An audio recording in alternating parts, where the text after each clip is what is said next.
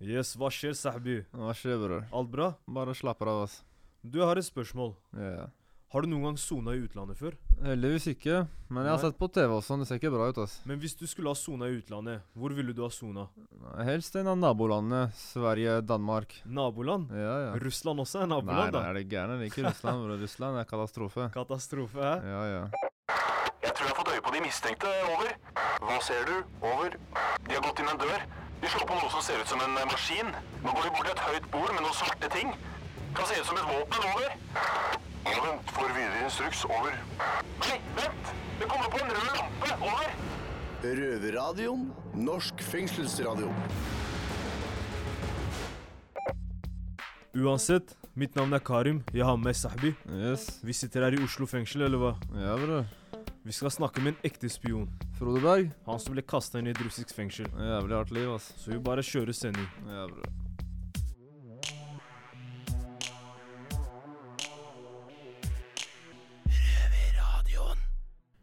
Mitt navn er Mikkel. Jeg er ansatt i Røverradioen, og med meg har jeg røver Rune Cato. I dag har vi invitert en helt spesiell gjest her i vårt studio på utsida, nemlig deg, Frode Berg. Takk for det. Og som de aller fleste har fått med seg, så har du gått gjennom en ganske utfordrende opplevelse de siste to årene. For den 5. desember 2017 så forandra livet ditt seg totalt. Da ble du arrestert av russisk etterretning FSB i Moskva, anklaga for spionasje. Hva var det som skjedde? Og Midt på dagen jeg kom ut fra hotellet jeg bodde på, intet annet, og så plutselig hører jeg noen fottrinn bak meg, så plutselig sitter jeg inne i en Volkswagen Transporter med mye folk. Mm. Og ferdig vill fart ut av hotellområdet. og med eskorte av ei uniformert politibil og rett opp til kontorene til FSBs i kontraetterretning. Og plutselig satt jeg på en stol inne på et møterom. Alt gikk forferdelig fort. Mm. Jeg fikk jo tid til å tenke på kjøreturen bortover. Eh, hva var det her? Men eh, det, det første som slo meg, var at oi, nå ble, for jeg opplevde det å bli arrestert i Russland. Ja, skjønte du hva som foregikk? Nei. da? nei.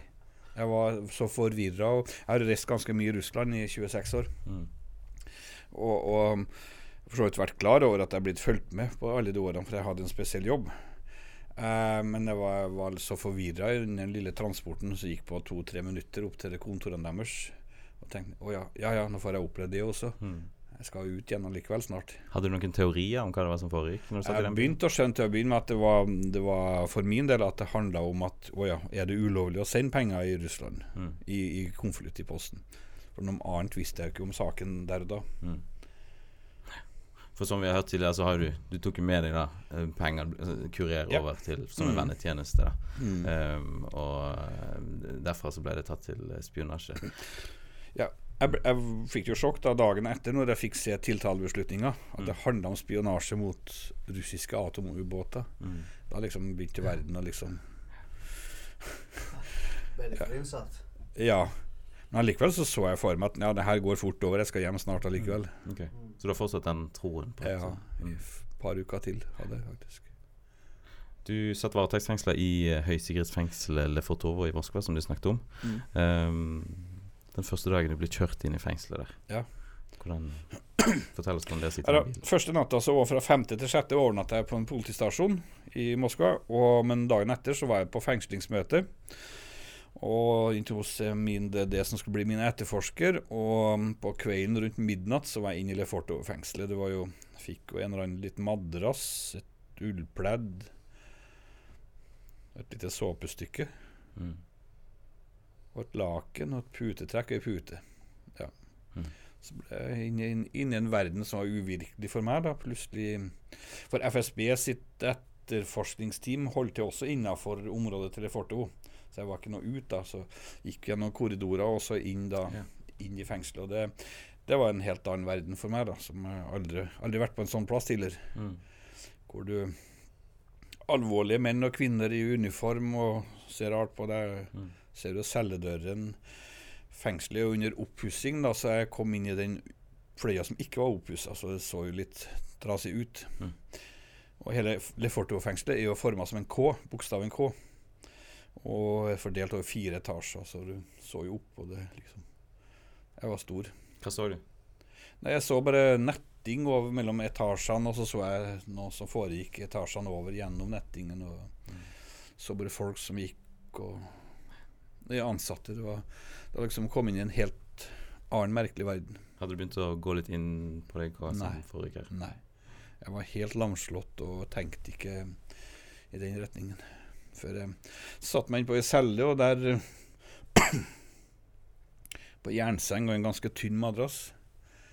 Og der skulle jeg ligge på. Det var jo ikke noe behagelig. Eh, og um, Nei, jeg fikk jo mye tid til ettertanke da, første natta. Mm. Kan du beskrive altså hvordan cella di så ut? Og Ei celle Cella er på Cella er på ni kvadrat. Der har du to senger. Eh, den er rektangulær cella. Eh, ei celle på tverrveggen under et vin luftevindu, og så er på langveggen der så har du et skap.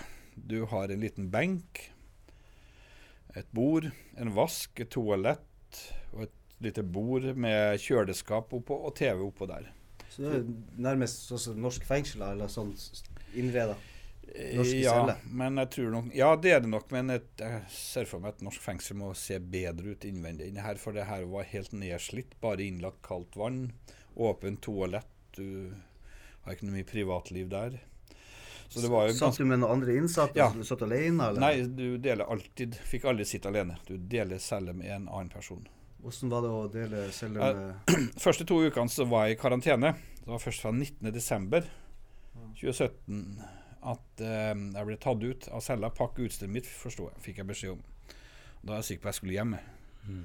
Så jeg kom ut av cella i korridoren og gikk mot utgangsdørene. Så, no, ah, Ah, så opp ei trapp og så inn på ei celle hvor jeg, han er en fra Moldavia som jeg delt celle med i ett år og to måneder. Ok. Så, um, Dere lufta sammen, spiste sammen. ja, alt, alt. Så dere ble ganske gode venner, da? Ja da, det får et tett forhold, men det er også folk også som har sine problemer. Selvfølgelig. De Det- slet nå. Skulle han vedkommende her, eh, moldaveren, han slapp jo ut etter tre år. Eh, Det var ikke verre, men jeg har jo delt celle med Har du kontakt med han i dag? Ja, på Facebook. Ser du det? Jeg har kontakt med han, og så en annen en som har nå har fått en dom på 17 år. Som Mm. er en eller annen soningsanstalt i Sibir, men han har jeg ikke kontakt med lenger. Jeg vet ikke. Jeg tror ikke de har fått smugla noen telefoner i det fengselet. Som han hadde mens han satt i et transittfengsel. Okay, okay. Ja, det ser du. Det er jo egentlig ganske like Så norske fengsel har jeg sittet mye inne uten å legge skjul på. Og hver gang jeg har sittet inne, så har jeg fått veldig tette bånd til veldig mange, da. Og det er liksom De bånda og De kan vare en livstid, og det virker som du har fått et ganske tett bånd i en situasjon du var i. Ja, jeg lært også noe nytt om det mennesker. Mm. Det er jo også Sistemann jeg delt celle med, jeg var en muslim Ja. fra en av fjellrepublikkene i Russland. Han var dømt for drap. Mm. Og sen dradd, Han har vært sittet og sona siden i 2012. Men er kobla opp mot en annen omfattende sak i samme republikken, så han ble tatt inn til Moskva, til to fengselet. Så han får nok en tilleggsdom i tillegg til sine første tolv år. Eh, drapsmann, og det, i mitt hode så har du Det må han jo bare sitte der eh, for sånne forbrytelser, men eh, jeg har lært noe nytt, Mm. faktisk. Hva lærte du? Eh, mennesket har nå. Mm. Um, med følelser og Ja, jeg fordypa meg såpass kanskje mye inn, inn i, pers i, i de personene. Eh, kjenn, lært også kjenn familien, oppvekst. Vi kom ganske nære inn på hverandre, og så det blir noe annet. Ja, det ble det. Det ble det. Så da går du fra en tanke om at en drapsmann Han kan gjerne bare sitte i fengsel der eh, til å bli kjent med han, og så skjer det noe som gjør at du får en, et annet syn. Ja, ja, for meg så Hva har det vært tror du så foregår? Jo da, men eh, altså, har du som en av de andre Jeg så delt celle med han uh, leda et eh, laboratorium for produksjon av metamfetamin. Mm. Han fikk 17 år. Mm. Og i mitt hode så må du jo bare Når du holder på med sånn, så må du ta det i straff. Mm. Men eh, det er også et menneske. Han har familie, og det fikk så mye konsekvenser for han, for familien og, og alt. Og også når vedkommende også ønsker å avslutte livet. Han ser ikke noe liv foran seg. 17 år i et russisk fengsel når du er snart 50 år. Er det typen fengsel som gjør at du syns at det er så spesielt? At, eh, at straffen er så, såpass sterk? At, Det var første gang du satt i fengsel, og jeg bare spørre. Ja. Ja, men uh... Jeg har aldri vært innafor døren på et fengsel tidligere, men det er klart, jeg, jeg jo, jeg mener jo, vi har jo lovverk og vi har rettsvesen som, eh, som jeg forholder meg til. og Har du drept noen eller du, med, med, med narkotika, så må du jo ta det i straff. Og Jeg har kanskje ikke tenkt så, tenkt så mye over det tidligere, men eh, var en skikkelig lærdom, det her med personligheten og menneskelige blant de her. Mm. De har følelser, de innsatte også mm, ja, ja, se der. og er mennesker. mm, Men ø, det er jo vesentlig forskjell på et russisk fengsel kanskje og et norsk et. eh, Jeg vet ikke. Nei, Men det, vi opplever det samme her òg. Mm. det er liksom De kategoriene der vi godtar i fengselet, men så fort vi møter en sånn som driver og tukler med barn og sånn, så ja. de går på en smell uansett. Ja. Det, vi, vi føler ikke noe fordi vi, vi Altså, vi, vi tråkker de ned, og de sitter i et hjørne i fengselet. Der får de sitte. Ja, ja. Jeg har forstått det på en av de Vi prata mye om fengselsliv i Russland, så er det noe samme der også. Um, men i Leforto-fengselet er jo to kategorier. da. Det er ene er spioner, Mm. og det andre er noen som har gjort en kriminell handling for å tjene masse penger, ikke litt penger. Mm. Her er snakk om svimlende summer for oss. Eh, så de har gjort eh, alt fra narkotika, drap, kidnapping, pengeutpressing og korrupsjon. Mm. Det er det det handler om. Jeg har lyst til å gå litt tilbake til cellen og cellekompisene. Sånn. Du er personlig kristen, Ja. som jeg har forstått. ja. Tok med deg en bibel inn i Den fikk jeg av sjømannspresten. Ja. mm, Kom inn der. Og så nevnte du en muslim som du satt med. Hvordan var forholdet mellom dere? Ja, det, det var en utrolig spennende Det er faktisk mest spe- Hvis jeg kan kalle det spennende inne i fengselet, så var det siste halvåret som jeg delte celle med han muslimen. Han satt med sin koran, og jeg fikk inn norsk bibel. Mm. Og vi satt og fikk prata litt om religion, selv om han snakka mm, nesten ikke engelsk, og med min dårlige russisk. Men vi klarte å kommunisere allikevel, så vi hadde en del diskusjoner. og jeg klarte å provosere han selvfølgelig med Jeg vet jo hva som er ømfintlig for de folkene der, og det var jo homofili. Mhm. Eller likekjønna forhold. Mm. Og jeg fortalte jeg skulle egentlig Jeg håper jeg kommer, kommer hjem til Norge til oktober, for jeg var invitert til et likekjønna bryllup mm. mellom to damer. Men det gjorde jeg ikke. Men han liksom Går det an? Nei. Nei, nei, han så ikke for seg det der. Ja, ja. Så um, jeg fortalte også at jeg har vært leder av Sør-Varanger menighetsråd, og um, vært med å stemme frem at det var mulig å gifte likekjønna bryllup i kirkene i, hjemme i Kirkenes. Mm. At, sa han ikke mer. Først gikk to dager, så begynte han å prate gjennom det her. Men det var, det var litt spesielt, fordi hele perioden jeg satt sammen med han, så liksom noe som våkna hos han når det gjelder de tingene han begynte å spørre fryktelig mye om akkurat det temaet der. Men selv om han fordømte jo det her liberale Europa og at vi kunne leve sånn som det her det, Jeg spurte ham hva gjør det med to jenter som blir glad i hverandre hos dere, da, men det var liksom pju, pju. Mm. Det var svaret. Så det er litt spennende det her, da. Eh, du har gått inn i fengsel og fått et litt annet syn på innsatte. Kanskje folk som har begått drap, og folk som har drevet med narkotika og sånne ting. Tenker litt annerledes. Tenk litt annerledes Ja. rundt det. Mens, og din cellekompis, eh, din muslimske cellekompis, gikk fra å fordømme homofili til å tenke Eller bli interessert i det. Og hvorfor tror du at man Hvorfor tror du at det skjer? Hvorfor tror du at Er det noe spesielt med å sitte i det russiske fengselet som gjør at man tenker annerledes? Eh, ikke kanskje akkurat russisk fengsel, men du sitter jo ganske intimt da på ni kvadrat. Du har ikke mye å bevege deg på, og du må ha noe å holde på med. Mm. Og prate 23 timer i døgnet. Så um, det ble litt uh, tem Gikk litt sånn i dybde akkurat på det. Og det var for meg var det spennende at han tok opp temaet flere ganger, selv om han fordømte Mm, jo hele greia. Men du har jo vært veldig heldig til å kunne ha faktisk en cellekamerat i isolasjon. Ja. Og faktisk ha noen å spare frem og tilbake med. For at her hjemme og sånn, så er det mange sitter isolert, og de sitter bare for seg sjøl, liksom. Det, Ja. Man blir fort sprø av det. Ja. du virker jo ganske Ganske klorig toppen til å ha vært i to år i isolasjon, så jeg tror det hjelper hjulpet litt å ha en cellekamerat, Ja, det har det. Det er mye som har hjulpet meg også mens jeg har sittet der. Jeg har jo hatt litt Jeg har vært heldig. Fikk du besøk fra familie og sånne type ting? Altså? Jeg hadde besøk fra no, representanter fra ambassaden i Moskva annenhver torsdag. Ok. Og I tillegg hadde jeg en russisk advokat som var til stede for meg, ikke bare under for eh, avhør og i retten. Han var også og besøkte meg ellers så hadde vanlig sosial samtale. Vi kunne prate om alt. Jeg hadde ikke noe besøk fra familien og følte jeg var litt for risikofylt helt til Moskva. Og psykisk har påkjenning, det også, for eh, Ja. eh, i et møterom man har sett i møterommene for sånne besøk. Mm. Så det var, det var din avgjørelse, det var ikke for besøk? Ja, det var min avgjørelse i samråd med kona på telefonen. Mm. Ja. Eh, men vi hadde jo hver gang ambassaden var på besøk, så fikk jeg lov å ringe hjem. Og jeg hadde jo litt prioritet i forhold til andre som møtte søk hver gang de ønska å ringe hjem. Kanskje en gang hver andre måned. Mm. Og jeg fikk jo lov å ringe hjem 10-15 minutter annenhver uke. Mm. Ja, det har jo hjulpet, men jeg, ikke minst det har jo vært heldig å ha et godt støtteapparat når jeg hadde kommet hjem. da. Det tror jeg har vært veldig viktig for deg. Ja, for ja, med psykolog, det er ikke noe å legge skjul på. Både, har helsepersonell for Har, har, har du følt at du har tatt litt skade av det? Altså, sånn, har du følt at du har blitt litt soningsskada sånn? Føler du at du Altså, min type soningsskade er jeg føler at liksom at når jeg kommer ut, så trekker jeg meg mye for meg sjøl. Veldig mye for meg sjøl. Sitter veldig mye inne. Er ikke så mye ute. Jeg føler alltid et ork. Har du følt på det? ja, Du sa ordet ork. Ork, altså Ja, ja men det, det har jeg av og til følt på, på selv, selv om det her blir tatt imot jeg, jeg er jo dømt for spionasje, ikke til fordel for Russland, det er jo til fordel for Norge. Mm. Eh, Så har jeg jo gjort kongeriket en, en tjeneste, selv om det gikk galt bort til Russland. Eh, noen har jo forsøkt å fordømme meg for at jeg liksom holdt på med det jeg holdt på med. Jeg har ikke, kunne ikke kombineres med andre ting.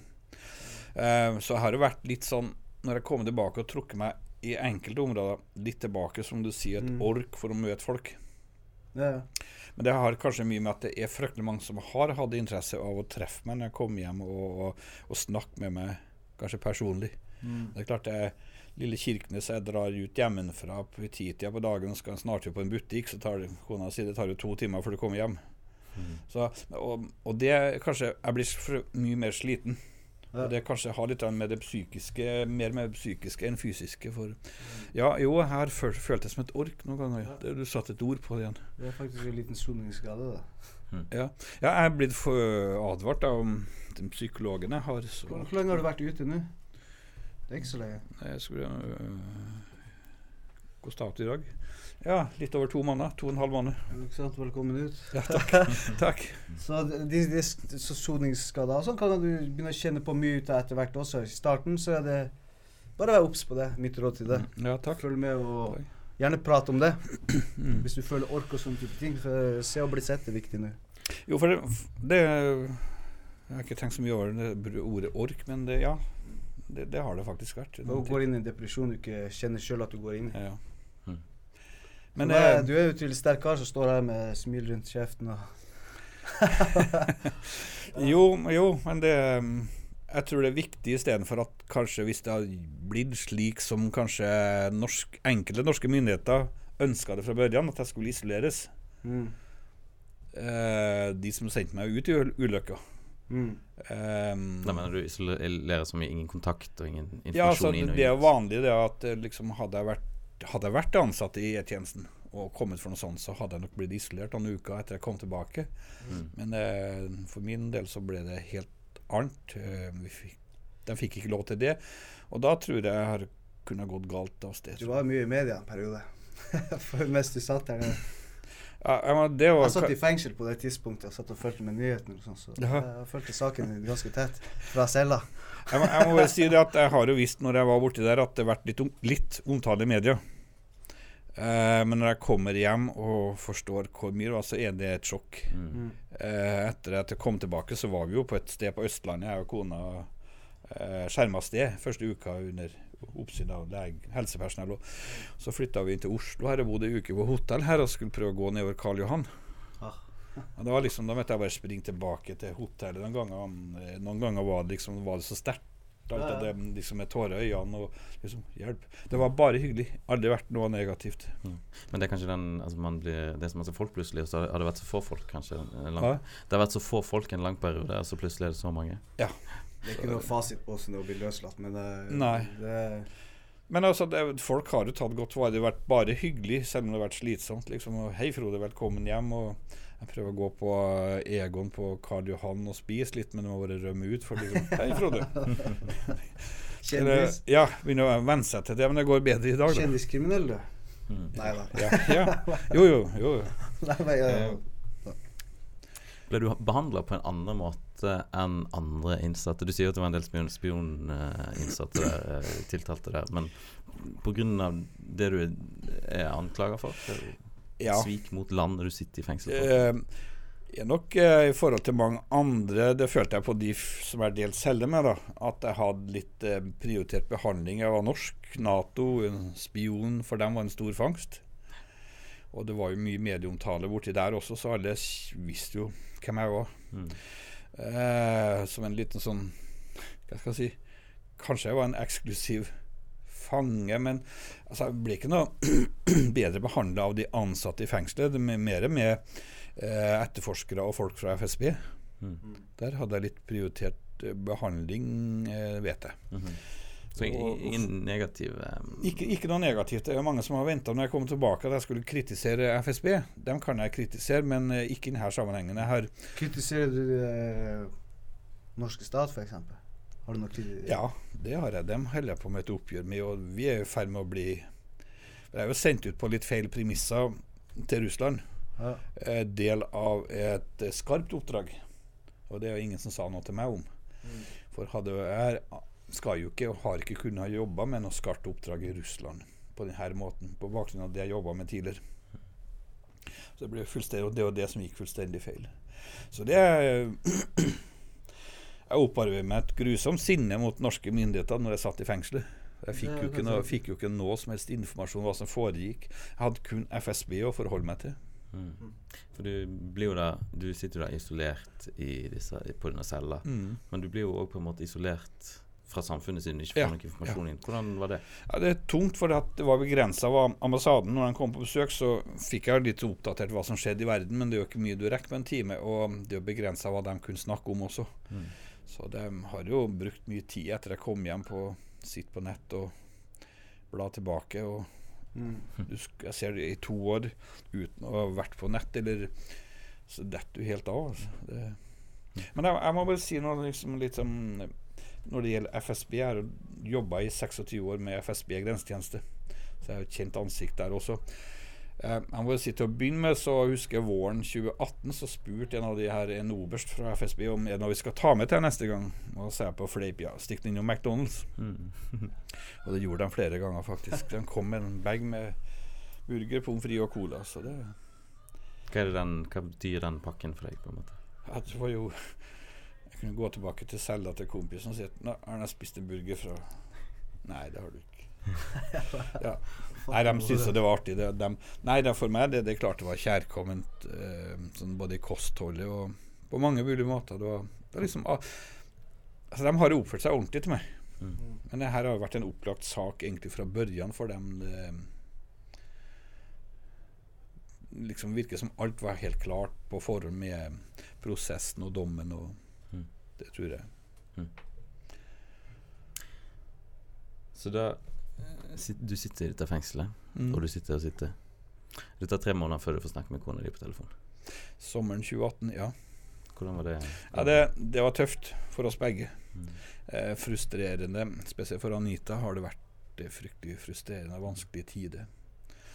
Eh, hvorfor de gjorde det slik, det var i forbindelse med bytte av etterforsker. Og eh, jeg klarer enda ikke å se grunnen til at de valgte å ha full sensur på meg i tre måneder. For det var ikke noe de egentlig pressa meg til å si eller tilstå. Det var plutselig en dag så fikk jeg beskjed, jeg husker det var en tirsdag. Kom, nå skal du få lov å ringe hjem. Hva, hva følte du da? Hva tenkte Ja, du? liksom, åh. Jeg var ikke forberedt sånn mentalt og emosjonelt, så liksom Det var en litt vanskelig samtale med Anita, men selvfølgelig var jeg jo glad begge to. Mm. Var du redd før du gikk inn i den telefonsamtalen? Nei, nei.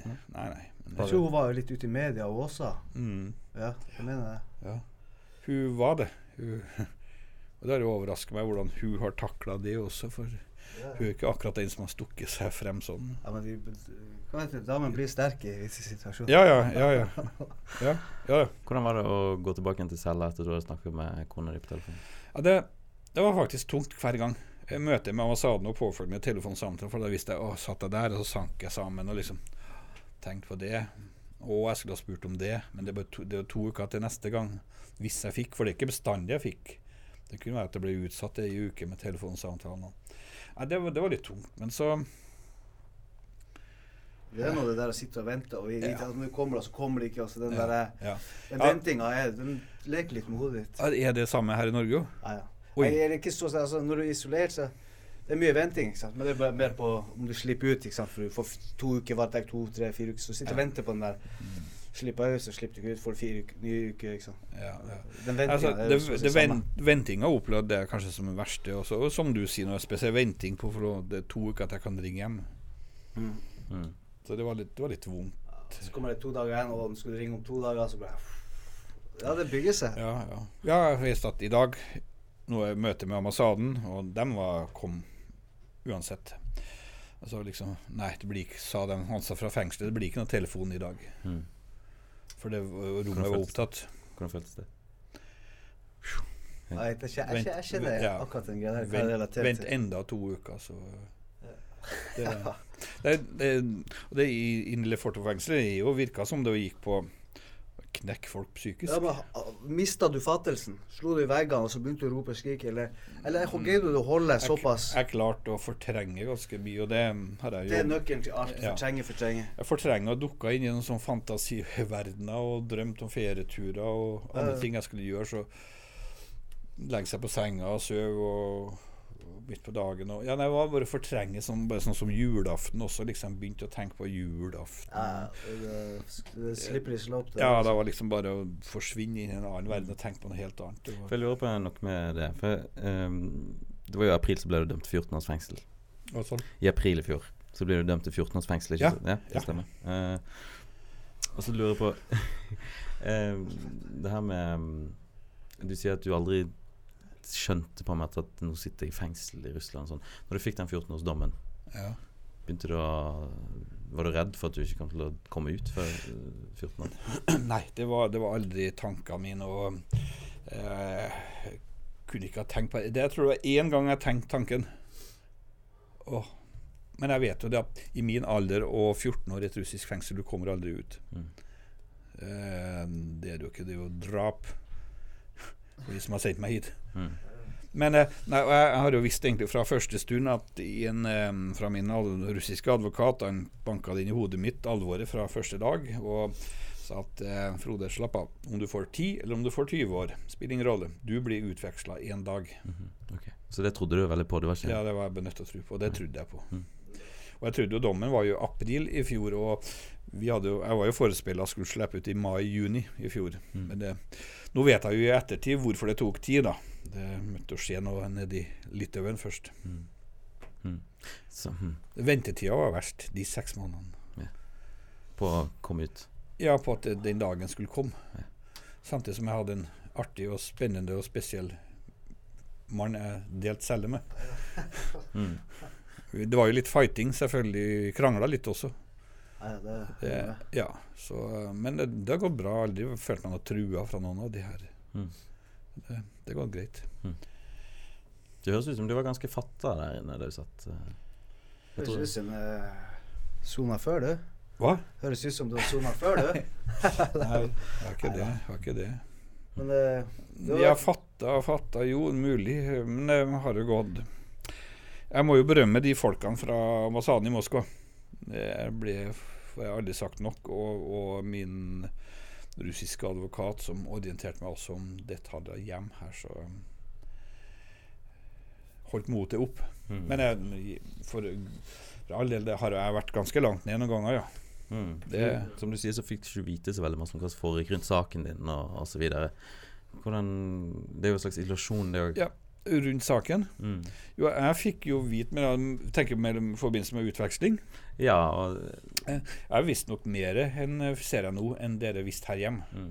Jeg visste jo på et tidlig tidspunkt at jeg skulle til Baltikum. Mm.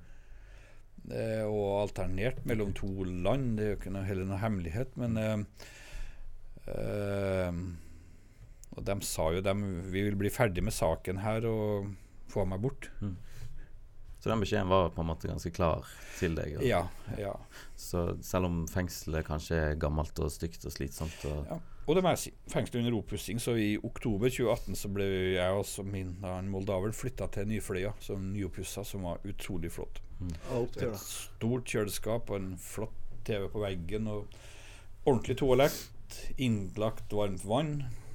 Så kan uh, begynne å nærme oss mot uh, november 2019. For da blir du benåda. Ja. Um, hvordan fikk du den beskjeden? jeg har jo gått og venta på den siden tred, i en halv, i en og en halv måned, da, at jeg visste at det skulle Første beskjeden jeg fikk, var jo at det skulle, at det skulle skje før 1.11. Men så fikk jeg beskjed om at det skulle være en lovendring til i Litauen, så det ble litt utsatt.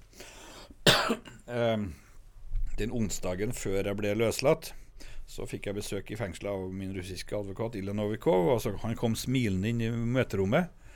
'Nå er det sant, Frode. Nå skal du hjem på fredag.' Og vi snakka litt som løst og fast. Dagen etter så ble jeg adskilt fra han jeg bodde sammen, og satt på ei sånn transittcelle nære utgangen. Eh, helt nyoppussa det også. Og da skjønte jeg hva som var For utover ettermiddagen så kom de med tingene mine fra depotet som jeg ikke har sett på to år. Pass, koffert med all bagasje. Pass, passa du klærne du hadde på deg? Nei, de Det er ikke noen klær som passa når jeg kom hjem. Eller så.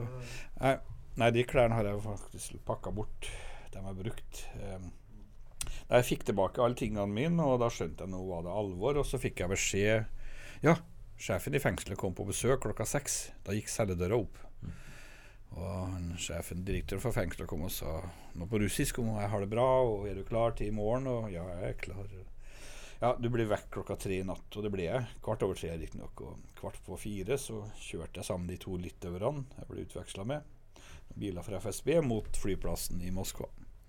Stoppa underveis på McDonald's og spiste frokost sammen med FSB. Og så ble vi fløyet til Kaliningrad, og så kjørte vi mot grensa. Og i ei bygd der en sånn like før grensepasseringa vi venta på tida, så fengselsdirektøren han stilte oss opp i linja og så leste han opp benådninga fra Putin, og dere er herved fri.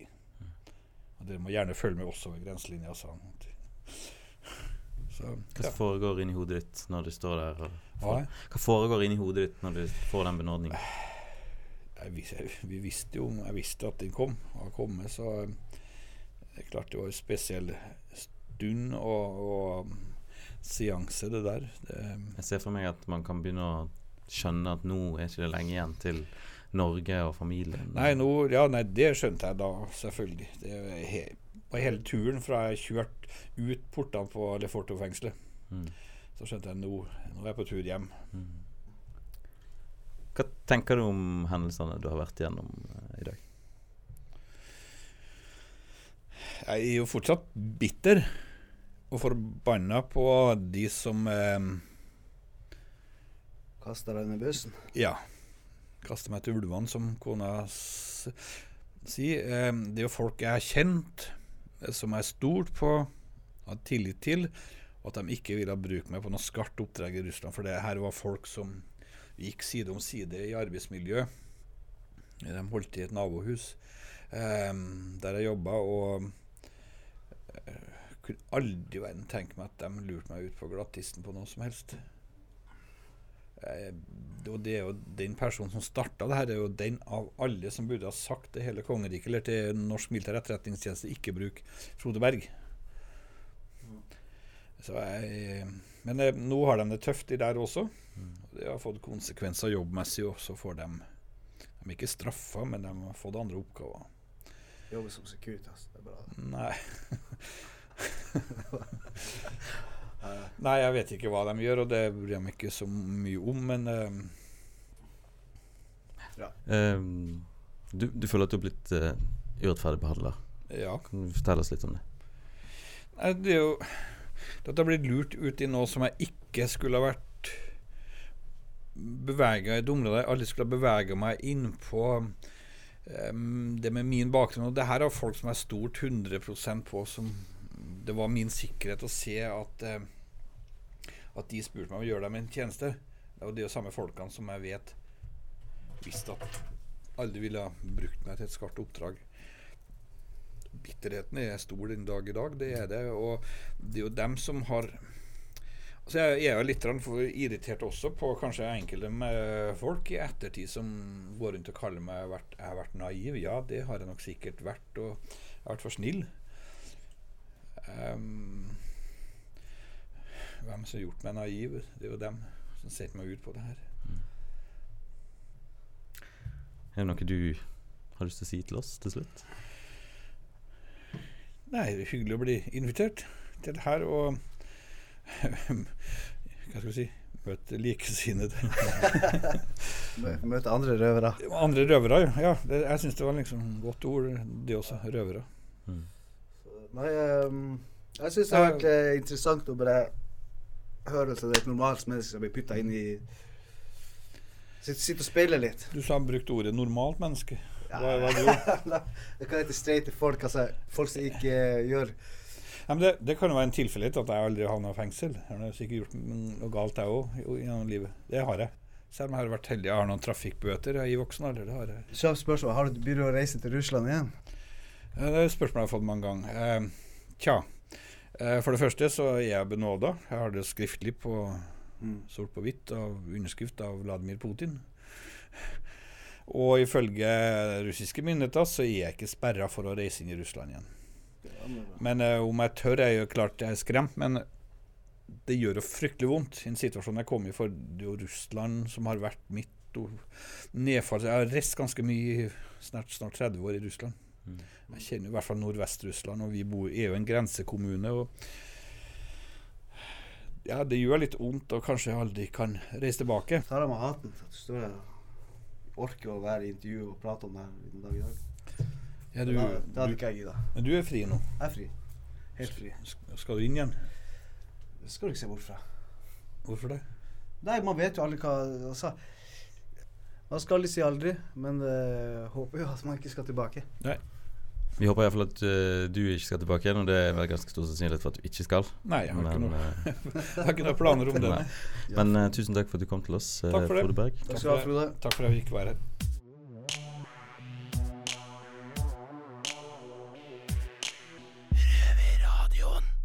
Yes, Sahbi. Ja, bror. Hva syns du om det Frode Berg sa?